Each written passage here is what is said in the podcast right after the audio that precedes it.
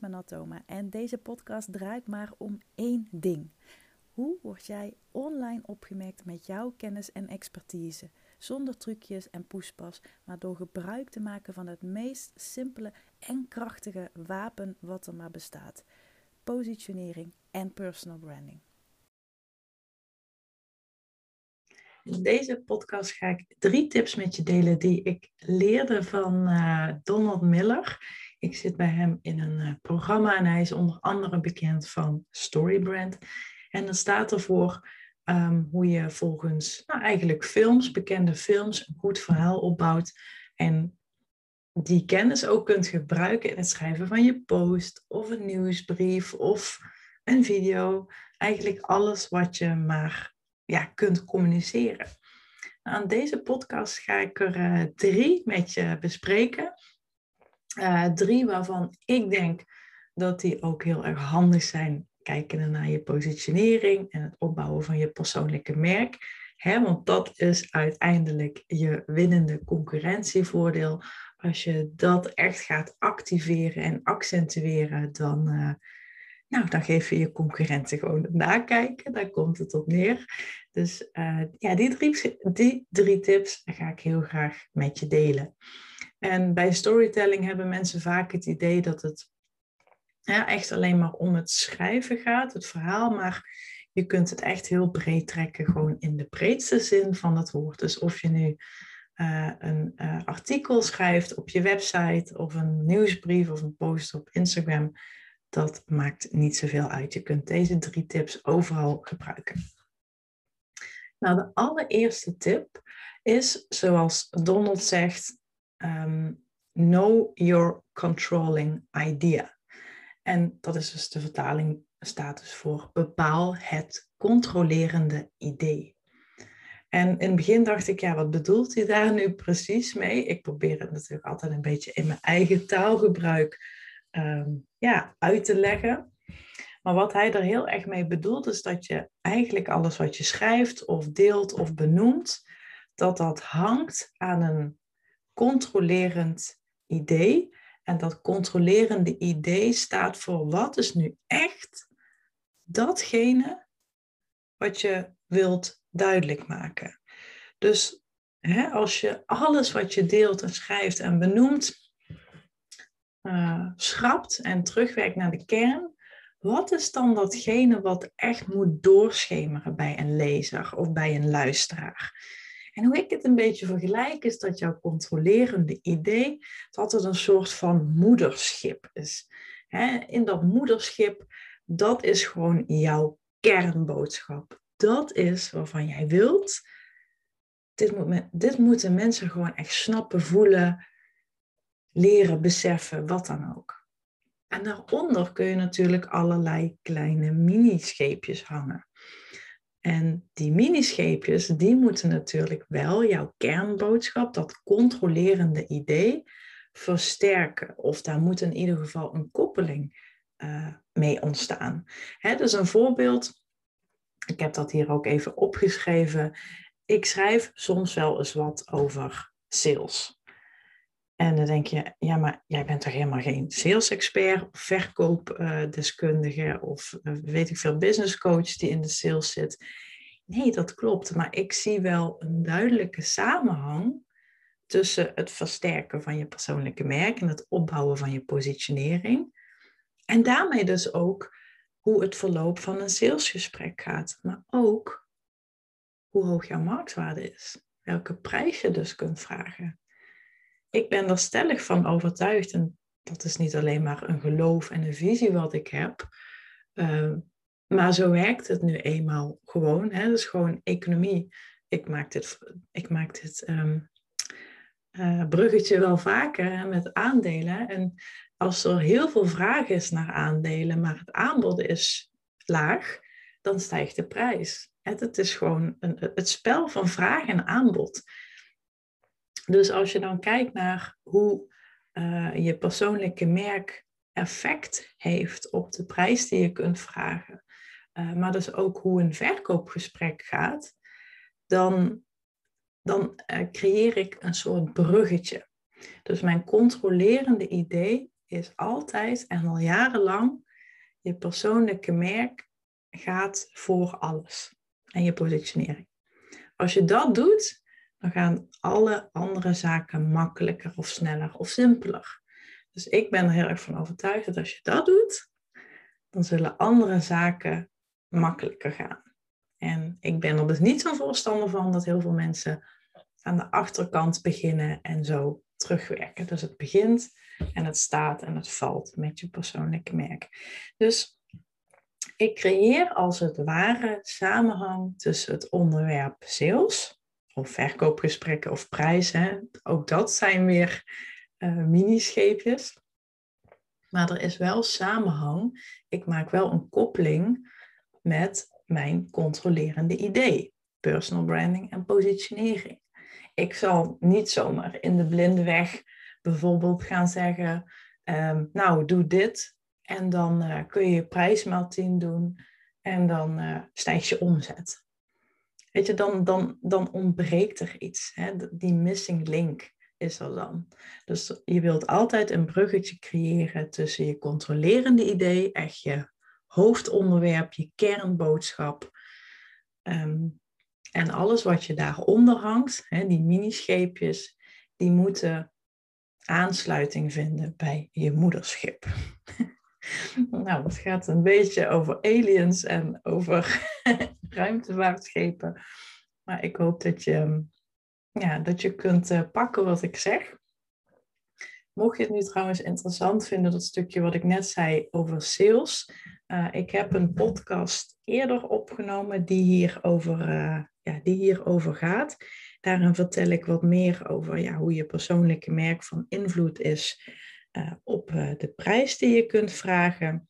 En dat is aflevering 18. Ik zit heel snel te spieken. Nou, dan gaan we door naar de tweede tip van Donald Miller uit het programma Story Brand. Um, dat is het bepalen van de karakters. Ja, het bepalen van de karakters is natuurlijk essentieel in een film, maar ook in jouw bedrijf en hoe je content schrijft en met wie je zaken doet en met wie niet. En dan heb ik het niet alleen maar over zaken doen als in je ideale klant. Hè. Dat, dat leer je natuurlijk echt praktisch ja, bij iedere coach. Ehm, maar ook je, bijvoorbeeld je, je ketenpartners, hè, mensen met wie je samenwerkt, met wie je uh, nog meer waarde kunt toevoegen voor een klant. Dus dat bedoel ik een beetje met karakters. Welke karakters zitten in jouw verhaal? Nou, ik ga er drie met je bespreken. De eerste twee, die ken je waarschijnlijk wel. Want ook dat, met alle respect, daar wordt al heel veel over geschreven en Um, nou ja, daar is al heel veel over bekend. En dat is de held en de gids. Dus de held en de gids. En de verwarring die hier vaker over is ontstaan, is dat jij de held bent. Hè, dus jij als ondernemer, als kennisexpert.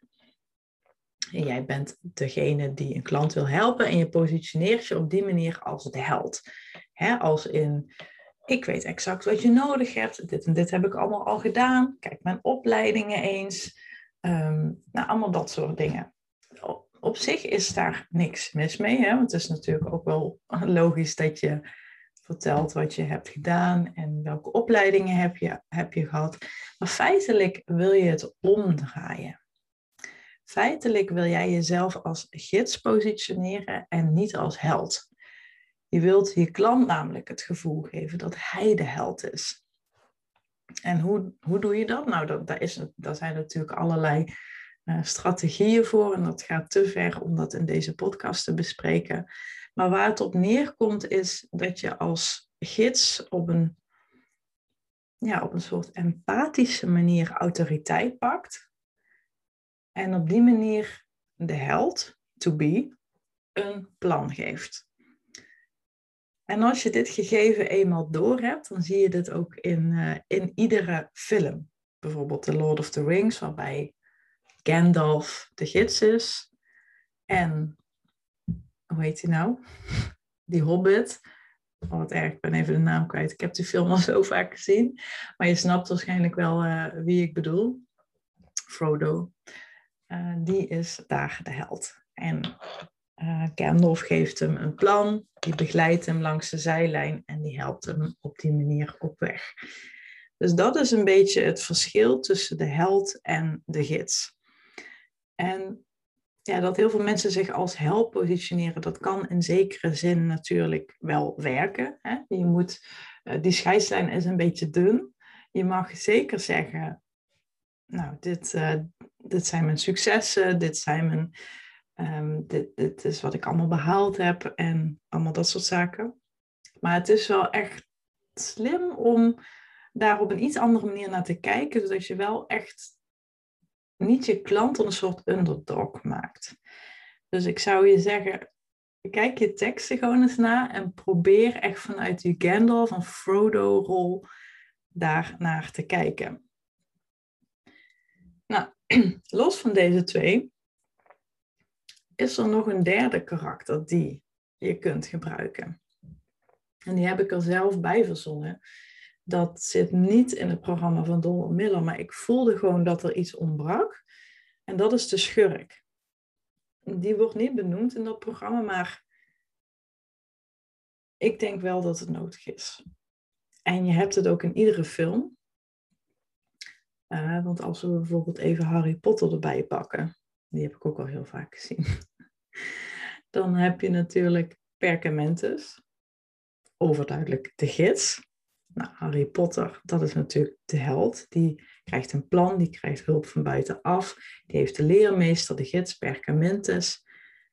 En die is natuurlijk met als doel om uh, Harry klaar te stomen om uh, hij die niet genoemd mag worden te verslaan, oftewel Lord Voldemort. Lord Voldemort is in deze film de schurk.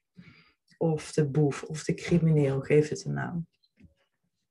Ja, nu denk je misschien, ja, leuk en aardig, maar ik kan het toch niet maken om uh, in mijn communicatie letterlijk en figuurlijk een soort iemand tot Lord Voldemort te bombarderen. Veel klanten van mij hebben daar ook altijd een beetje moeite mee. Ja, want dan zeggen ze, ja, maar ik wil niemand kwetsen of ik wil niemand aanwijzen of um, ja, ik wil niemand beledigen. Maar weet dat dat een verhaallijn wel veel spannender maakt. Um, dus dat, er moet een beetje contrast zijn, om het zo maar te zeggen. Anders is het verhaal, is jouw tekst, wat, um, ja, hoe zal ik het zeggen, wat braaf. En ik wil hiermee echt meteen je op het hart drukken. Ga niet letterlijk iemand tot Lord Voldemort bombarderen. Um, dat is niet zo chic. Natuurlijk mag je wel mensen in je achterhoofd hebben, um, maar wees daarin heel voorzichtig. Wat ik hiermee wel bedoel, is dat je je bijvoorbeeld afzet tegen een bepaalde methode of tegen een bepaalde aanname die heel veel klanten of potentiële klanten over iets kunnen hebben. Of uh, over een geloofsovertuiging wat ze kunnen hebben. Of een, ja, een, een strategie die overal wordt gedeeld. Dus dan trek je het wat breder. dus als ik bijvoorbeeld, um, ik zeg bijvoorbeeld heel vaak dat, um, nou, dat heel veel uh, coaches niet werken, dat heel veel strategieën die je online geleerd krijgt, zoals het maken van een funnel en het maken van een online programma, weet je, waar je gewoon al jaren mee wordt doodgegooid. Ik zeg daarin gewoon heel stellig, dat werkt niet.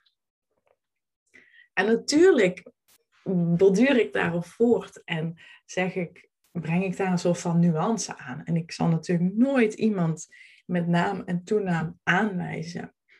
Want als je dan verder leest, dan kom je erachter dat ik heel erg bedoel dat strategieën en tactieken en coaches en noem het maar allemaal op, dat het allemaal wel werkt, maar ze werken pas echt en ze gaan pas voor je werken als je positionering en je persoonlijke merk klopt. want ik zie gewoon zo vaak mensen die van coach naar coach rennen, Of die de ene funnel met de andere in elkaar draaien. En die, ik weet niet hoeveel diensten en programma's uh, hebben. Sterker nog, ik zie dit ook bij best veel bekende namen.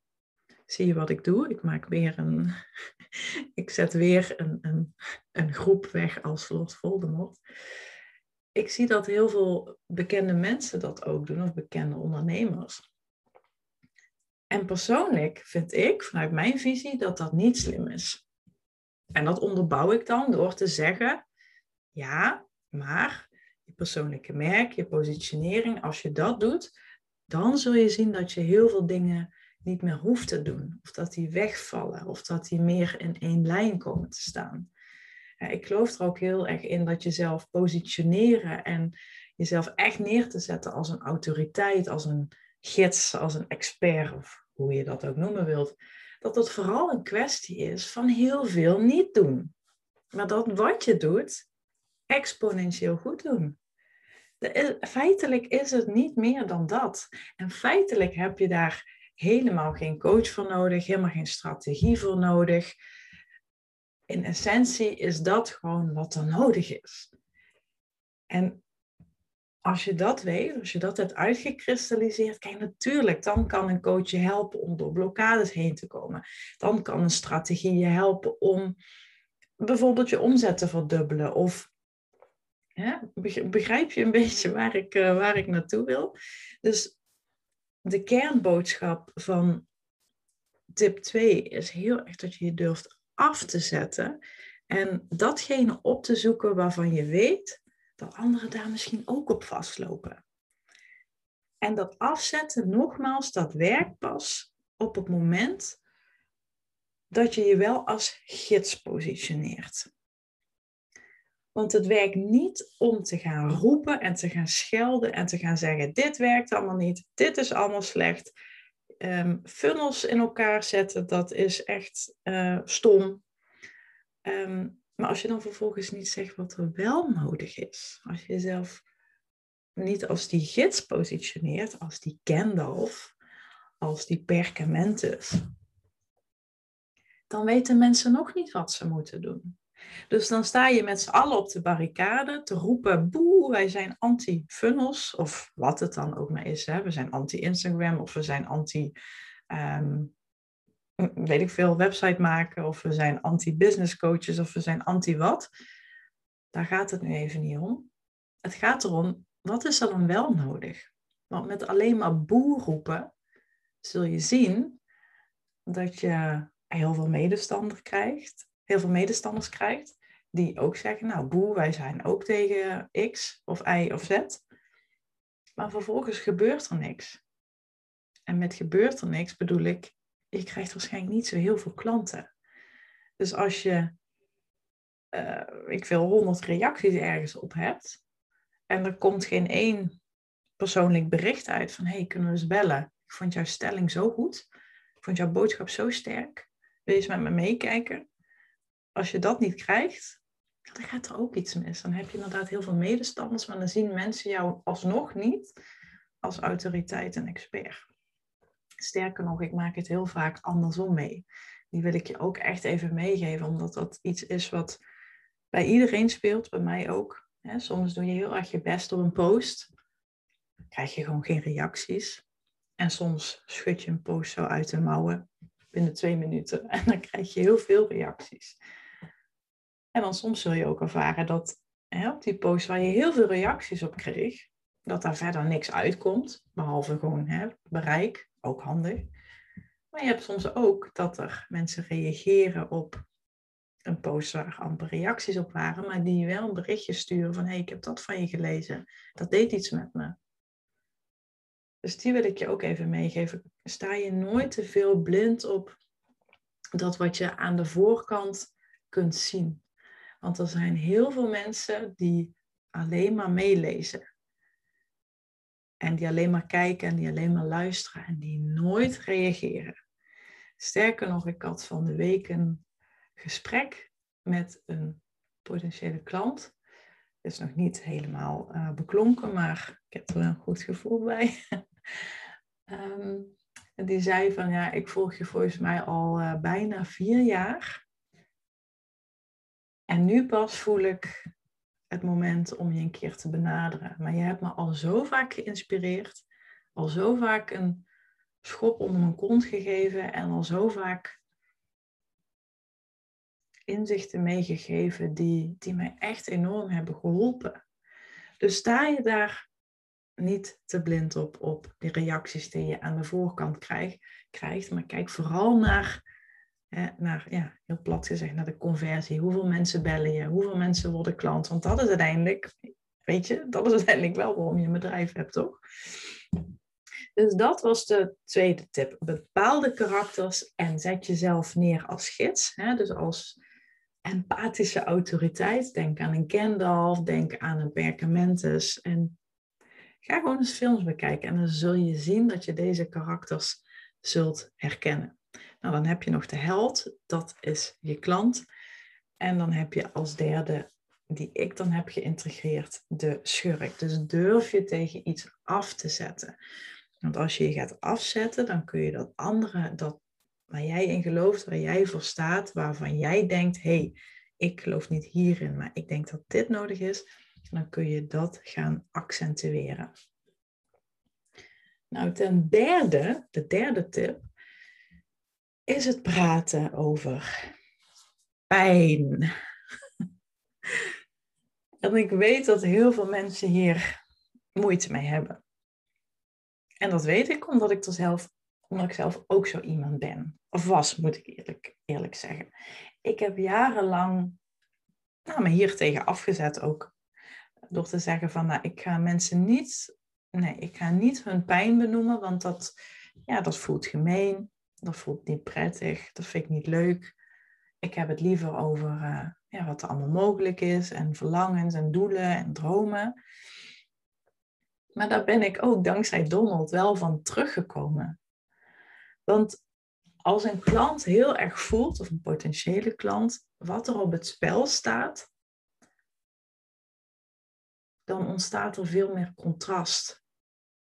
En dan creëer je ook een soort innerlijk conflict. Hè? Wat als het niet lukt? Wat als Harry Potter in handen komt van Lord Voldemort? Wat als Frodo wordt gevangen door de negen ruiters? Waren het er negen? Ik geloof het wel, hè? Vanavond maar even die film terugkijken. Maar dat maakt het veel interessanter en waardevoller voor jouw klant vooral ook. Als ze beseffen, als ze voelen, als ze ervaren wat ze kunnen verliezen. En daarnaast kun je natuurlijk ook benoemen wat ze kunnen winnen. Dan, dan, dan breng je veel meer dynamiek ook aan in een gesprek. En het triggert mensen ook veel meer. Als ze echt voelen, oké, als ik nu niks doe aan mijn positionering, dan verlies ik mijn potentiële klanten gewoon aan die concurrent. En zo simpel is het gewoon. Hè? En het is voor mij ook absoluut niet dat ik daarbij ga liegen of ga manipuleren of ga konkelen of zo. Dus begrijp me absoluut niet verkeerd als ik het heb over dat je, dat je iemands pijn mag benoemen. Nooit liegen, nooit, ehm, nooit dingen gaan verzinnen. Weet je, we hebben allemaal wel eens in dat soort salesgesprekken gezeten die eigenlijk helemaal niet prettig voelen, maar waarbij je gewoon het gevoel hebt dat je met de rug tegen de muur staat. Dat ze je helemaal klem hebben gezet in, in taal, in woorden, in argumenten en dat je eigenlijk, je komt er gewoon niet meer uit. Dat is ook absoluut niet waar ik um, fan van ben. Dat het werkt, absoluut, voor diegene die verkoopt, zeker. Uh, maar of diegene dan aan de andere kant van de telefoon of aan de andere kant van de Zoom-call of aan de andere kant van de tafel dan echt met heel zijn hoofd en hart en ziel ja heeft gezegd, dat betwijfel ik. Ik denk dat het dan meer een kwestie is van ik heb geen andere keus. En dat wil ik juist dat je heel erg gaat toevoegen. Dat je mensen laat zien, je hebt een andere keus. Het kan, kwartje kan zo vallen en het kwartje kan zo vallen. En dat mag je benoemen. Dat is wat ik bedoel te zeggen.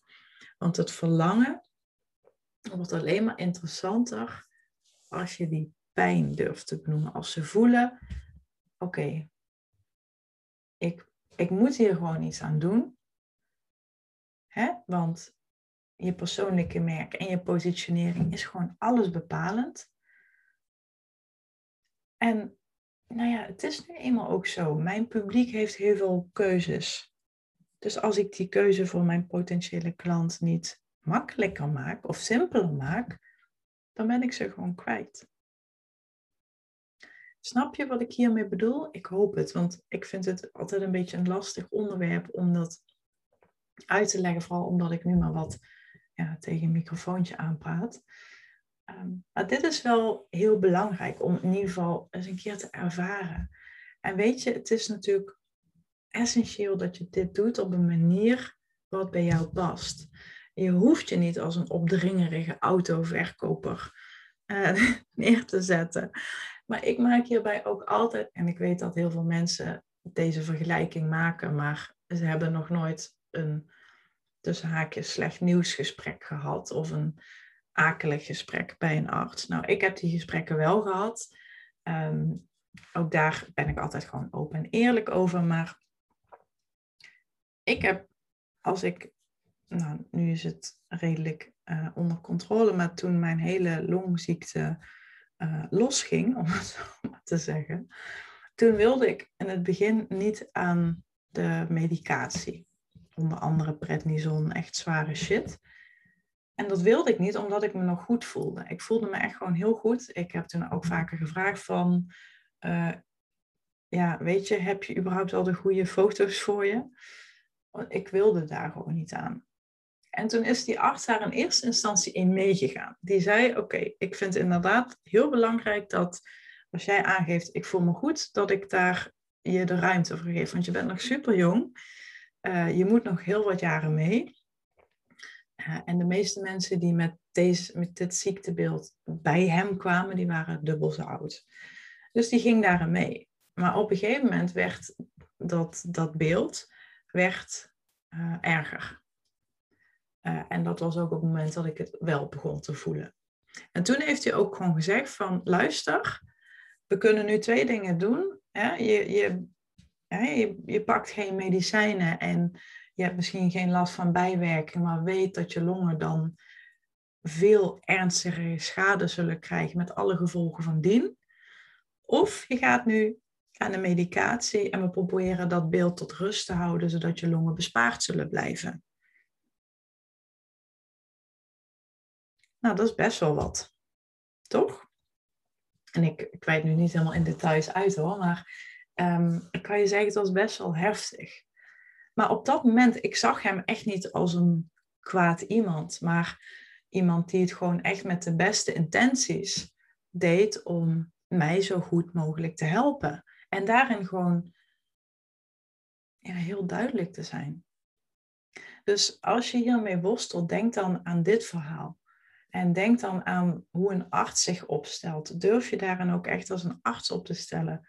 En ja, ik weet dat heel veel mensen dit als voorbeeld gebruiken, maar ik denk dat je dat voorbeeld pas echt heel goed kunt gebruiken als je, als je ervaart hoe het is. En dan, dan komt het ook veel meer bij je binnen. Dus als je dit lastig vindt, misschien kun je zelf een voorbeeld bedenken waarin iemand um, nou, op een hele empathische manier bloed eerlijk tegen je is geweest. Misschien een goede vriendin uh, of, of een van je ouders of een broer of een buurman, wie dan ook. Iemand die heeft gezegd van, joh, weet je, als je zo doorgaat dan, of als je dit niet oplost dan.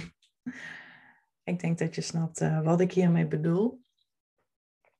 Dus um, let daarop. ik zit even te denken wat ik nog meer wilde um, delen. Dat waren in ieder geval de drie, uh, de drie tips die ik met je wilde delen met als laatste. Dus het benoemen van pijn, gaat het alsjeblieft niet uit de weg. Um, weet dat ook een stukje pijn en een stukje afzien soms nodig is, zodat de beloning groter is. Dat, ik weet nog dat, um, dat is ook wel een leuk voorbeeld om nog te benoemen, als je het dan hebt over dat stukje afzien. Ik ben gisteren met een uh, vriendin van mij, waar ik toevallig ook mijn kantoor mee deel in Arnhem, Jetske, ben ik samen gaan zwemmen. Echt uh, vroeg in de ochtend in het buitenbad in uh, Klarenbeek, het zwembad in Arnhem. En het regende en het was grijs en het was een beetje koud. maar ik dacht, oh, ik heb zin in koffie, ik heb gewoon zin om lekker binnen te blijven achter mijn computer te kruipen. We zijn toch gaan zwemmen. En oh man, het was echt koud. Het was echt afzien. Maar eenmaal aan het zwemmen in dat koude water, het was zo lekker. En vooral toen ik eruit kwam en toen we thuis waren, lekker warm, trui aan, kopje koffie. Ja, weet je, het, het, voelde extra goed. Het smaakte extra goed. Dus dat is ook nog even als laatste wat ik wil benoemen over die pijn. Een stukje afzien laten um, een, stukje afzien voor iemand. Een stukje uh, afzien laten zien of meegeven of laten doormaken. Of in ieder geval weten dat ze dat kunnen doormaken. Dat maakt de beloning alleen nog maar. Ja, het geeft veel meer genoegdoening, veel meer voldoening, denk ik. Nou, ik, um, ja, ik hoop dat het jou heeft geholpen. Um, ik denk het wel. Laat het me weten door een, uh, ja, door een reactie te sturen. Je kunt me een mailtje sturen, mail.manontoma.nl. Je kunt me ook een zakelijk WhatsApp berichtje sturen naar 06 1456 3455. Vind je ook op mijn website. En uh, je kunt me ook een DM sturen via Instagram. En dan wil ik afsluiten met de allerlaatste boodschap van uh, Donald Miller, die ik zelf heel erg sterk vind. En dat is: If you confuse, you lose. Super sterk. Onthoud die. En ik zou zeggen: ga ermee aan de slag. En um, ik spreek je heel graag een volgende keer weer.